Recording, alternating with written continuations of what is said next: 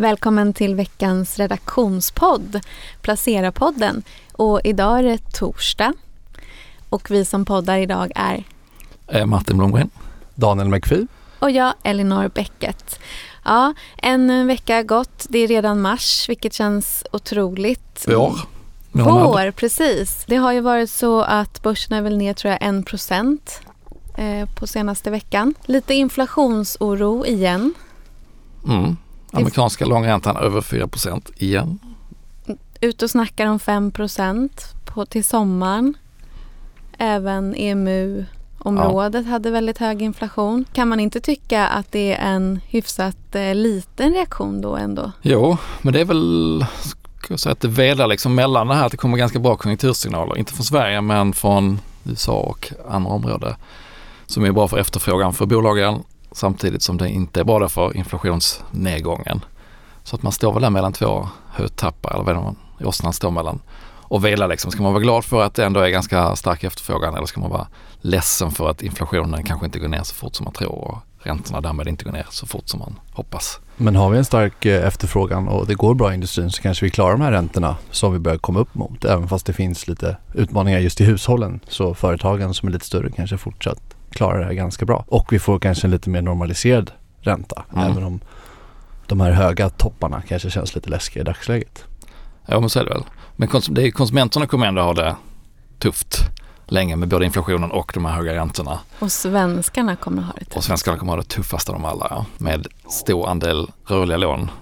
Och vi såg BNP-siffran var väl minus var det 0,9 för Mm. Sverige va? I, var det fjärde kvartalet eller? Så att lite till på den bogen så är vi ju i recession faktiskt i Sverige. Mm. Och jag tror att det finns en eh, viss... Det finns att man, att man inte riktigt inser att vi har ett helt annat läge nu än vad vi hade för eh, framförallt då kanske ett och ett halvt år sedan. Mm. Att det blir en viss fördröjning. Kan skjuta upp vissa saker ett litet tag. Tvättmaskinen inte går som den ska så kanske man kan vänta lite och så vidare. Men rätt som det är så måste man kanske ta det där. Och då kan det nog bli rätt svettigt alltså. Mm. Ja och räntehöjningarna som har kommit och som nästa som alla förväntar sig nu, det tar ju stund innan de slår igenom. Senaste 50-punktshöjningen har väl fått effekt på de rörliga räntorna men innan det slår igenom så går det ofta någon månad för att man, det släpar ju lite och, så, och nästa höjning till så att det är framåt sommaren så man har full effekt av de räntehöjningar som man ser komma nu. Så att det är ju en bit kvar innan, det, innan man når toppen även om man hoppas på den ganska snart. Jag pratade med en mäklare som sa att folk Börsmäklare eller fastighetsmäklare? Förlåt, en fastighetsmäklare. Ja. Han sa eh, folk gråter i vissa fall. Säljare Säljare eller köpare? Säljare. Ja. eh, eh, I vissa fall. Eh, men också den här att nej men, nej, nej, men jag, jag, jag har förståelse för att, jag, att det kanske inte blir någon eh, vinst eh, på det här när jag köpte mitt fritidshus under liksom prime pandemi. Mm. Jag kan tänka mig att, eh, att inte göra någon vinst. Men själva verket har marknaden gått ner med Mm, 30 procent. Så att det, det finns eh, nog ganska många där ute som inte riktigt har förstått att det här är ja, ett, som nya du sa, normala nya annat. Precis. Och det nya normala är nog det gamla normala egentligen. Mm. Eh, och, och det kan man ju tycka att folk som är lite äldre än eh, du Daniel i alla fall eh, borde komma ihåg att det har ju faktiskt funnits tider där bostadsmarknaden har gått ner och, vi, och att de räntenivåerna vi är på behöver man inte gå så långt tillbaka i tiden för att det Nej. faktiskt är ganska normalt. Alltså om jag inte minns fel så var de här siffrorna på fritidshuspriserna ner, alltså det som var mest var väl Åre då, ner nästan 40 procent. Säkert ganska litet uh, urval Mm. för att det görs inte så många affärer, man säljer kanske inte om man inte måste men, men ändå så det är inte bara att det är liksom lite krusningar utan rätt så rejäla nedgångar. Från, som du är inne på, en stor uppgång senaste åren. Så att tillbaka kanske då. Men, men ändå, det är ju, all, det är ju de- någon som köpte där på toppen som uh, nog också gråter där. Mm. Kanske de du pratar med. ja, precis. Nej, men månadsskifte.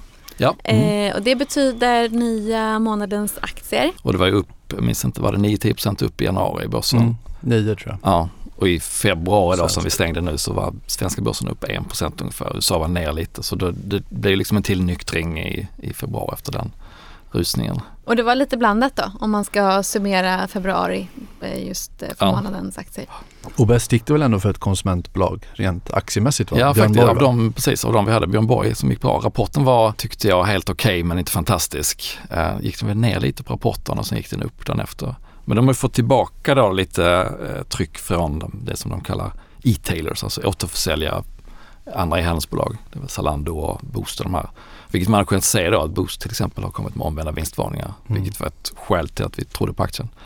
Eh, men den får, eh, får hoppa ur nu listan och jag tog istället in Fagerhult. Pratade vi ganska mycket om förra veckan så behöver ja. inte gå in i detalj men belysning, belysning och eh, har god medvind från att framförallt företag och andra organisationer som vill energieffektivisera och då är belysningen en del av det som man kan byta ut för att få mer eh, ja, billigare energinota helt enkelt. Och de var, det var en bra rapport, prishöjningar som kommer att driva marginalen tror jag in i 2023. Så att, eh, den gick på rapporten men eh, jag tror det finns mer att hämta. Och aktien hade väl gått ganska dåligt sen innan ja. va? Så att det är mycket som är inprisat där. Så att. Exakt. Så att, eh, det var det bytet jag gjorde. Ut med Björn Borg, in med Fagerhult. Gjorde du det bytet Daniel? Nej, jag tog inte ut någonting men jag la till. Jag hade ju SCA sen innan som är en stor skogstillverkare jag på att säga, men det är inte. Skogsägare. ja, kan man väl säga att de gör. Ja, det kanske. Men de har ju haft det lite tufft med eh, priserna eh, för sågade trävaror som har kommit ner. Men de har väldigt starka kassaflöden fortfarande. De är helt självförsörjande på energi och logistik så att de går fortsatt bra, bra kassaflöden. Som sagt, inte allt för dyrt. Eh, också lite mer defensiv karaktär apropå det vi tidigare pratade om. Eh, men sen la jag även till det lilla, eller ganska lilla, nederländska bolaget Alfen som är inom energiomställning kan man väl säga, inom elektrifieringen. Rider på trenden att det är allt mer elektronik, som, eller el ska jag säga, som används. Typ och, laddstolpar och sånt eller? Ja exakt, de har växt väldigt mycket inom laddstolpar eh, och där kan man väl säga att man får väl se att den delen kanske mattas av lite kommande period. Men de har varit marknadsledare i Nederländerna, har gjort en nu mer europeisk expansion som har gått väldigt bra växte intäkterna 76% under 2022. Helt okej. Okay. Helt okej. Okay. Eh, förväntas växa intäkterna 30% 2023 då, så att in, eller intäktstillväxten kommer komma ner. Men de är också mycket så smarta elnät så att mycket uppkopplat för att kunna effektivisera när det används. Och om du tänker inom förnybar energi så att är det väldigt väderberoende till exempel. Så att du måste kunna kalibrera när efterfrågan när det används och inte används. Så mm mycket digitalisering inom, kan man säga, inom elnäten. Så att det är en spännande, inte allt för dyrt, P26-25 tror jag på innevarande år. Så att många av de här energiomställningsbolagen om vi tar till exempel Nibe eller ESG-casen mm. Tomra är oftast väldigt högt värderade. Men här är lite lägre värdering faktiskt. Så att, tog in en men ska sägas högriskbett. Spännande. Mm. Och du Elinor kom tillbaka ridande här med två aktier i säcken. Ja, jag gjorde ja, det. Eh, jag tog Knowit, eller Know-IT, mm. Knowit, ett konsultbolag. Och det är ja, lite läskigt kanske med tanke på den, om vi nu går in i en konjunktur så är det inte konsulter det första man anställer. Men med då eh, någon teori om att de har tagit rätt mycket stryk redan och att de har en väldigt hög andel inom offentlig sektor, mm. bland annat Skatteverket till exempel. Så, eh, så det är ganska lågt värderat. P Under 15 vilket är betydligt lägre om man tittar långt tid tillbaka, många år tillbaka. Eh, och också en hyfsad eh, direktavkastning. Så därför eh, valde jag mm. det. Och de är också duktiga på att attrahera folk. Vad är det för direktavkastning ungefär? Eh, 3,6 procent. Ja. Det är inte så många IT-konsulter kvar nu. De har blivit uppköpta många av de gamla ja. godbitarna. Och det, det, visste jag faktiskt inte förrän efter eh, det, det, publicerades. Men den brukar tydligen också då, liksom den andra aktien som var på, som jag valde till månadens aktier, sägas vara då en uppköpskandidat. Mm. Men eh, det blev jag ju. Men annars så är det Nordic Waterproofing och det är även där lite på samma tema då, att det är en bransch som inte så många vill ta i med tång. Men även här så tänker jag att man kanske drar alla lite över en, en och samma kant. De har mycket renovering, inte mm. bara bygg. Och det handlar ju alltså om att också säkra byggnader mot översvämningar och sånt där. Och det kan man ju liksom inte bara strunta i heller. Även det är om det tak. är eh, tak. Precis, tak, det är tak. Mm. Ja, typ. Eh, sedum också. Ja gräs alltså. Just Som, eh, ja. Eh, så de var ju verkligen hållbarhetsfondernas älskling för några år sedan och eh, värderades därefter också. Och det är väl också det jag tänker att liksom elektrifieringstemat hållbarhetstemat, den kommer inte bara försvinna fastän vi går in i en lågkonjunktur Nej, heller. det glider utan, liksom eh, ja, på det är fortfarande den här taxonomin som vi snackade om varenda vecka Mm. för några år sedan. Jag menar, det är inte så att det är borta. Så eh, det var väl lite så jag tänkte. Och där finns också upp, klar upp, de brukar alltid vara med på de uppköpslistorna. Det ja, finns det ju var en, kanske den, ännu mer en uppköps... Ja, eh, kommer inte ihåg vad heter de nu, storägaren som gick in. Kingspan, Kingspan, eh, just det. irländska Kingspan, de äger en ganska stor del. Samtidigt som att man kanske då skulle kunna spekulera i att de övriga eh, storägarna, till exempel tredje AP-fonden, inte kommer vilja släppa dem till någon jättelåg peng. Mm. Så eh, det är definitivt eh, eh, en, en fördel med den aktien. Men Kingspan köpte väl dem till en väldigt stor premie va? Om jag inte minns fel. Ja, Från men jag Solder. vet, det vågar jag inte svara på. Nej, jag tror att det var Ja, det Solder bekant. som sålde en stor post till just Kingspan. Början på hösten eller någonting, Ja, va? som var långt över Mm, börskursen. Just det. Det låter väldigt bekant. Jag tycker om man tittar på de här lite mellan stora bolagen som man tänker sig ska gå ganska risigt nu i den fasen vi är i konjunkturen med Instalco och Inwido Mm. som jag vet Ludde har skrivit om tidigare. Mm. Men de rapporterna det ser ändå ut som att det går hyggligt bra. Eh, Och även Fagerhult skulle man Ja. kunna tänka sig inte går särskilt bra så att jag tror Ja, det gäller nog att bena ut vad som är som direkt kopplat till nyproduktion av bostäder som ju säkert kommer vara iskallt och vad som är då kopplat till andra initiativ som man gör för att spara energi eller för att det är hållbarhetsskäl. Och det kan ju bli helt, att de behöver ju inte gå hand i hand här under närmsta åren. Eller kommer förmodligen inte göra det. Men övriga byten då som våra kollegor gör då är, om minns jag rätt då, så tar Pekka in Beijer va? Men sen är det väl inte så många byten till va? Eh, nej, jag för mig att eh, Karl och Per eh, gjorde inga byten Nej, alls. inte Ludvig heller. Inte Ludvig att, heller, nej. nej. Mm. Så då täckte vi in dem där. Men det är ändå 17 stycken va? Mm. Mm. Så att det finns en ganska många. Får vi utvärdera oss själva med månader. Lite för spännande ibland. Apropå aktier och som man får väl ändå säga är köpvärda, i alla fall enligt dig Ja, Daniel. Axtron. Axtron. Tyskt bolag. Eh, väldigt Komponentpärla. Ja, exakt som du kallar dem. ja, nej precis. Jag tittade på dem i veckan. Eh, som sagt, det är ett tyskt bolag eh, och de gör utrustning för tillverkning inom halvledarindustrin. Och de har fått ett ganska stort uppsving nu senaste åren, framförallt förra året, eller 2022 och 2021. Mm. Då de mer, för de gör utrustningen som används för att tillverka delar för mer, ska man säga, mer avancerade halvledare som inte bara är kiselbaserade. Och det har börjat användas allt mer för att den elektroniken vi använder kräver mycket mer avancerade komponenter och de här halvledarna är mycket mer energieffektiva, energisnåla det vill säga och de eh, klarar högre temperaturer vilket kan vara väldigt viktigt och de är mindre i storlek.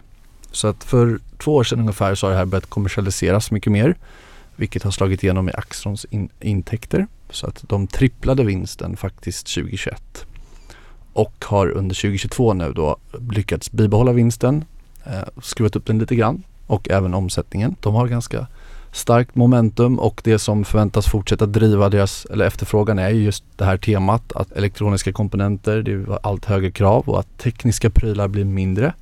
Till exempel så förväntas eh, utrustningen användas i mikroled som idag redan används i tv-apparater, det vill säga ljusbelysningen. Men också kommer bli allt större inom till exempel eh, Apple Watch eller Mm. smarta klockor. Eh, Så att eh, det tror jag är en ganska spännande nisch. Nu har ju de gått ganska starkt ska jag också säga. Och Bra värder- lönsamhet ser det ut som. Ja, bra lönsamhet. De guidar faktiskt för en rörelsemarginal på 25 till 27 procent Det Kvalitetstecken. för nästa år. Men ingen sådär jättetillväxt faktiskt förväntas på försäljningen. Det lite baksmälla efter att det var som komponentbrist så att alla liksom har dundrat på allt de kan kanske? Ja, det finns lite den aspekten men också just det här att det de, de växte så ofantligt mycket just för kommersialiseringen av de här lite mer avancerade komponenterna. Eh, Så att det tar väl lite tid för att det ska fortsätta öka igen efter Mm. explosionen här vi har sett. Så att, eh, det är inte bara halvledarbristen så där som varit. Men det var ändå inte jättedyrt. Eller hur? Nej, just nu handlas det väl på P26, P27 till nästa år. De har faktiskt nettokassa, delar ut pengar, ungefär 1% direktavkastning. Eh, så att de har inte så mycket skuld. Mm. Och eh, nej men så att det är ju en, en spännande spelare. Sen är det ju inte billigt ska man ju inte säga. Men eh, det är inte jättedyrt för en sån, tycker jag, intressant aktie.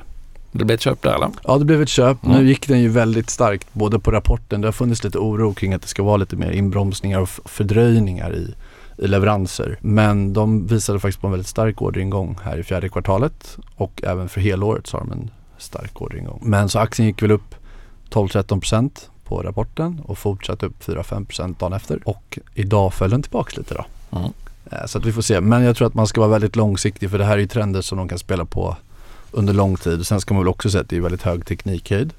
Vilket gör att det kan vara ganska svårt som investerare att följa med i allting som händer i branschen. Mm. Eh, Och att om någonting blir utdaterat så kan det vara lite svårare att hänga med. Men eh, jag tror att det kan vara bra en liten krydda långsiktigt. Ja, någon som inte har gått så bra är ju ett par av våra gamla kära folkaktier. Just det. testade jag Daniel här. Jag tyckte att jag hade en bra vinkel. Jag blev lite, lite ledsen. Jag frågade Daniel vilken plats han trodde att Telia låg på i börsvärdeslistan. Alltså man tar totala börsvärdet, bolagen på Stockholmsbörsen och då gissade han på plats 27. Tänkte jag det var ju liksom lite så här att man kanske skulle gissa på 10-12 någonting. Men, så, men jag skrev artikeln ändå för jag tyckte det var spännande. De har ju då fallit från att vara, Telia var en gång mest värderat under en kort period. Men även då Ericsson och H&M som ju prenumererar egentligen på vara etta, tvåa om man tar, i alla fall om man tar bort AstraZeneca och ABB som är liksom ut, utlandsbolag. Halvutländska. Ja. Mm. Men eh, som det ser ut nu då så är Ericsson på plats 19, H&M plats 20, Telia plats 27. Nära och All, Petas precis, ut. i- knappt ens på topp 20-listan. OMXS30. Så lite fascinerande. Astra i topp, ABB tvåa, Investor trea på 630 miljarder. Tittar man på alla de där, eller på de där bolagen med om man tar Telia som ett exempel. Om man tar upp deras graf på 20 år, den är väl i princip flat. Ja, de är jag. tillbaka där de var precis strax Ja. efter noteringen. Liksom. Otroligt. Ja, Invest, Bara en sån sak att de är tillbaka på noteringen. Får man så har man ju fått utdelningar då om man har varit Mm. långsiktig. Ja. Medan många av de andra bolagen som man ser högre upp i listan vet man ju har varit fantastiska Mm. investeringar på lång tid. Och intressant med Investor tyckte jag om man tittar på de övriga topp 10-bolagen så är det inte så konstigt att Investor är där för att de äger ju då Astra, ABB, Atlas, SEB som är på plats 8, EQT som är på plats 9.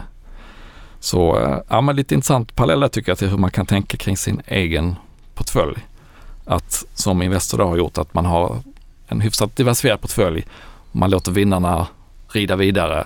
För de har ju även Ericsson och massa andra bolag som inte har gått bra. Men det, vikten av de dåliga blir ju mindre och mindre medan de bra blir större och större när de fortsätter gå. Ehm, så det är en lite kul parallell tycker jag till eh, hur man kan tänka med sin egen portfölj. Att inte, inte gå bort sig och sälja vinnarna för tidigt. Nu är ju Telia lite speciell eftersom att det var ju en eh, minnesvärd kampanj när de gick till börs. När kan de här aktierna, liksom, när får de inte kallas för folkaktier längre? Ja, det är en bra fråga. Man, jag tycker man kan ju titta på hur många som äger dem. Om man ska, ska de kallas folkaktier måste ju väldigt många äga dem och, eh, och det gör de ju både med Telia, H&M och Ericsson. De är ju ju, där är de ju fortfarande i toppen då, att det är väldigt många som äger dem. Eh, inte lika många som Investor som är i topp, men, men de är ju folkaktier så att att väldigt många fortfarande äger dem. Men det är väl Tyvärr, andra som nu platsar där, där vi ser väldigt många ägare i skala med de här Mm. bolagen som inte är med där på listan som man kan se. SBB har ju seglat upp snabbt där. SAS fick ju många nya aktieägare i takt med att det går sämre. Lite märkligt. Apropå, apropå SBB, en eh, branschkollega eh, var det ju Balder då. Mm. Veckans grej kanske. Se, ja, precis. Eh, det måste man väl ändå säga att det var. Fick se sitt kreditbetyg från Moody's sjunka. Mm. Och, skräp. Eh, till skräpstatus, ja precis. Från investment grade till junk bond eller spekulations... Ja, just det. eh, Speculative grade Ja, precis. Och, och det har ju varit lite speciellt för det har varit väldigt många turer kring just Moody's och Balder och den som har gott minne och som är intresserad av det här kanske kommer ihåg att Balder på ett inte så delikat sätt gjorde slut med Moody's för ungefär fyra år sedan eh, och, och sa i princip rakt ut att de var för dåliga. Eh, man kan ju då fundera på om de var lite hårdare än andra. Mm. Det, det är svårt att säga men eh, jag, jag skrev ju om det här och jag intervjuade kreditanalyschefen på Danske Bank, Louis Landeman. Och eh, han menar ju på det att marknaden kanske lite står på Balders sida i det här fallet. Mm. För att eh, Balder har ju då fått eh, negativa utsikter från även andra ratinginstitut. eh, för sitt eh, betyg som de har nu då. Eh, och, ehm, eh, och har gjort då åtgärder för att stärka sin balansräkning som marknaden ändå har sett positivt Mm. på. Men de blir ändå då nedgraderade. Så ja, och aktien föll men inte så himla mycket va? Jag tror att den gick ner eh, Den var ner 4-5 procent ja, Men upp idag. Ja, och jag tror att det var precis i början också på dagen och sen gick den, alltså det Mm. blev lite, att den sjönk lite mindre senare på dagen. Så att, ja, Men hur prissattes obligationerna? Vet du om de... Indi- ja, och det där är ju lite tufft just med, för det är inte jättebra likviditet eh, på den marknaden eh, vet vi. Och vi vet heller inte hur, för det här var inte, det här var inte ett oväntat beslut ska tilläggas. Så att det kan också vara så att köpare av de här obligationerna, de är helt enkelt, de som tyckte att det här var en stor Mm. grej, de har redan lämnat. Mm. eh, För länge sedan. Eh, Men det vi vet det är ju att eh, Balder, liksom många andra fastighetsbolag som också är lite mer skuldsatta, deras obligationer har ju stigit i pris. Alltså deras kreditriskpremie har minskat på Mm. senare tid. Och vi såg igår så eh, steg då den här kreditriskpremien med ungefär 0,1-0,2 beroende på löptid. Det låter inte så mycket alltså. Det är inte så mycket. Nej. Eh, så ja, Men det vi diskuterade innan som vi inte hade något, kom fram till något svar på det är ju som är lite speciellt med den här situationen att det, det är ju bolagen då som betalar för att kreditanalytikerna ska följa dem och då gjorde Balder slut med Moody's. Eh, Moody's har fortsatt följa dem ändå mm. och, och sätta betyg och, och eh, göra analyser. Det man undrar lite är, är eller jag undrar lite i alla fall, är, är det ett, liksom ett udda fall? Finns det, är det bara Balder som de gör så här med eller finns det en hel smörgåsbord av bolag som de följer utan att bolagen betalar för det? Mm. Och det har vi inte svar på. Nej, men... vi kanske kan återkomma om det i någon annan podd här fram. För då, det ska vi ju ändå ta reda på tycker ja. jag. Och skulle det sitta en väldigt begåvad kreditanalytiker och lyssna på det här som Så får vet svaret så är det bara att mejla till oss. Eller någon som jobbar på Moody's kanske. Eller något, precis. Kanske till och med analytikern som har gjort analysen. Ja. Eh, ja. Feel free. Mm. Men det som också är ju eh, intressant det är ju att se vad som händer med de andra eh, fastighetsbolagens obligationer som är ungefär på samma nyckeltal. Om eh, de också kommer få sina betyg sänkta och, och liksom vad man tycker om den diskrepansen då jämfört med vad andra ratingbolag Mm. tycker. Så eh, det blir spännande att följa här nu framöver. Och det är en liten speciell marknad det där med företagsobligationsfonder. Svårt att hänga Mm. med i tycker jag. Ja men det är väl lite som med skulder generellt att när allting går bra så behöver man inte bry sig så mycket om det men när det börjar, när balansräkningen spelar roll då, då är det bara det man bryr sig om i vissa bolag. Mm. Och där är vi nu idag i fastighetssektorn. Mm. Men Balder har ju också bra stöttning. Man såg ju till exempel gjorde de väl en riktad nyemission va? till AMF till exempel. Så att som du var inne på innan så har de ju faktiskt Mm. gjort grejer för att stärka balansräkningen. Så att, Och de ger inga utdelningar till skillnad mot många av de andra. Så Nej. Nej, och precis. Gjorda har aldrig gjort. nej. Nej, allt ska återinvesteras. Ja, men apropå räntor då. Eh, Jag har ju skrivit om ränteavdrag den här veckan och det kommer faktiskt en till artikel nu förhoppningsvis imorgon. Eh, Men eh, ränteavdrag kan ju bli ganska aktuellt.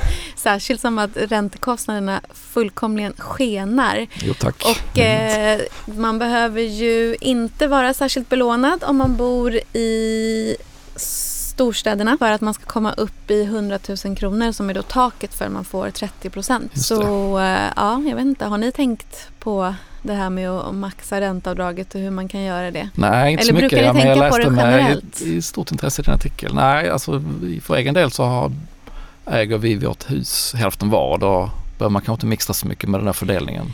Det är ju en stor... Eller? Ja, det beror väl på lite, jag tror att det är ska säga, banken som du får prata med i sådana fall. Jag tror inte det är just ägandet. Nej, Där- inte ägandet. Det är betalningsansvaret. Okej. Men det hänger ju väldigt ofta ihop. Ja. Mm. Så att om, om det skulle vara så att din eh, säger att eh, din fru står på hela lånet för du var inte betrodd av banken. Jag var inte hemma naturligt. Nej, precis. Då, eh, då, kan, då kan inte du få ränteavdrag. Men Okej. om du, ehm, och det finns faktiskt, för jag var lite inne på det där rent eh, tekniskt, vad det är som liksom gör dig betalningsansvarig Ja. eller inte. Eh, Men eh, det finns faktiskt en eh, dom från typ 1980 eller något. Och det, den gäller ju fortfarande. Och det är att eh, det är inte den personen som betalar räntorna utan det är den som de facto liksom är betalningsansvarig från banken. på Okej. lån. Och det kan man ju eh, tänka på Mm. så att man inte tror att man har 100 000 kronor i utrymme eller 200 000 kronor och, eh, och istället bara har 100 000 För taket är 100 000 per person. per person. Så det har ingenting med lån utan det är per Nej. person. Eh, och det är ju, eh, och där finns det ju, om båda två är betalningsansvariga så har du ju, det är där du verkligen kan spela Mm. eh, genom att omfördela det här. Det. Eh, du kan ju eh, omfördela hur du vill, Mm. lånet. Men man får fortfarande avdrag när man är över 100 men inte, inte 21 30%. procent Mm. är det då. Så det är ju hyfsat mycket fortfarande Mm. men det är ändå mindre. Så det finns definitivt tusen lappar att tjäna på att vara lite om sig och kring sig nu när man deklarerar. Vilket man ju då kan göra från och med 14 mars. Okej. Men hur ska man maxa då? Förutom det här att man kan fördela mellan, finns det andra tricks man kan ta till? Eh, man kan, det man kan göra och det kanske som är den jobbigaste situationen att hamna i det är ju att man inte betalar tillräckligt mycket skatt för att faktiskt göra, få göra ränteavdrag. Eh, kanske för att man gör många andra avdrag eller för att man helt enkelt inte har så hög inkomst. Mm. Och då kan man ju till exempel eh, man kan återföra uppskov vilket står i den här artikeln som, jag, som kommer imorgon. Cliffhanger? Precis. Men man kan också eh, till exempel eh, eh, hyra ut om man hyr ut en del av sitt hus till exempel så räknas det som en kapitalinkomst eller om man gör en, eh, får någon annan typ av kapitalinkomst då kan man kvitta då. Och då kan man tycka men då maxar jag absolut inte ränteavdraget för då får jag ju ingen ränteavdrag alls. Eftersom Mm. att de tar ut varandra. Nej, men det hade du inte fått ändå. Så då kan man ju också då, om man har möjlighet som man till exempel har med ett uppskov så kan du ju då eh, pytsa ut de här så att du får maximalt ränteavdrag med 30 procent. Eh, men inte mer än så. Men alla dina räntor kommer väl direkt på deklarationen så att man kan i alla fall kolla ett extra, extra noga men det kommer färdigtryckt så man behöver inte göra mer än att ändra så att säga. om Nej, det är just den här omfördelningen Mm. som eh, man kan behöva ändra. Men eh, räntorna kommer direkt på deklarationen precis. Däremot kanske inte ränteinkomsterna gör det. Eh, gör det ju inte. För Mm. Att eh, Skatteverket vet ju inte om du, du hyr ut din lägenhet eller inte. Nej, Jag får Eh, börja så hyra ut min källare man- till Daniel kanske. ja exakt. Ja, precis. Ja, så, eh, ja, men gå in och läs. Det är krångligt värre så det är bättre att läsa och, Mm. och räkna på det själv. Men man har några veckor på sig här och maxa då innan deklarationen ska vi ner. Eh, ja, precis. Början på maj eller när är det? Eh, ja, det brukar vara 2 maj. Ja. Jag, kom, jag vet inte exakt men där Det vet Skatteverket. Det vet Skatteverket. Var det någonting mer vi hade att säga innan vi Ja, ja, jag på har vi gjort några egna-. Har vi gjort några egna affärer? Jag har inte gjort någonting den här veckan. Ja, inte jag heller. Nej, det har Sitter inte där, jag sitter. heller. Ja. Nej. Ja, det var ett snabbt segment. Snabbt avklarat. Vi får väl säga tack för att ni har lyssnat. Det gör vi. Tack snälla. Ha det gott. Ha det bra. Ha det bra. Hej.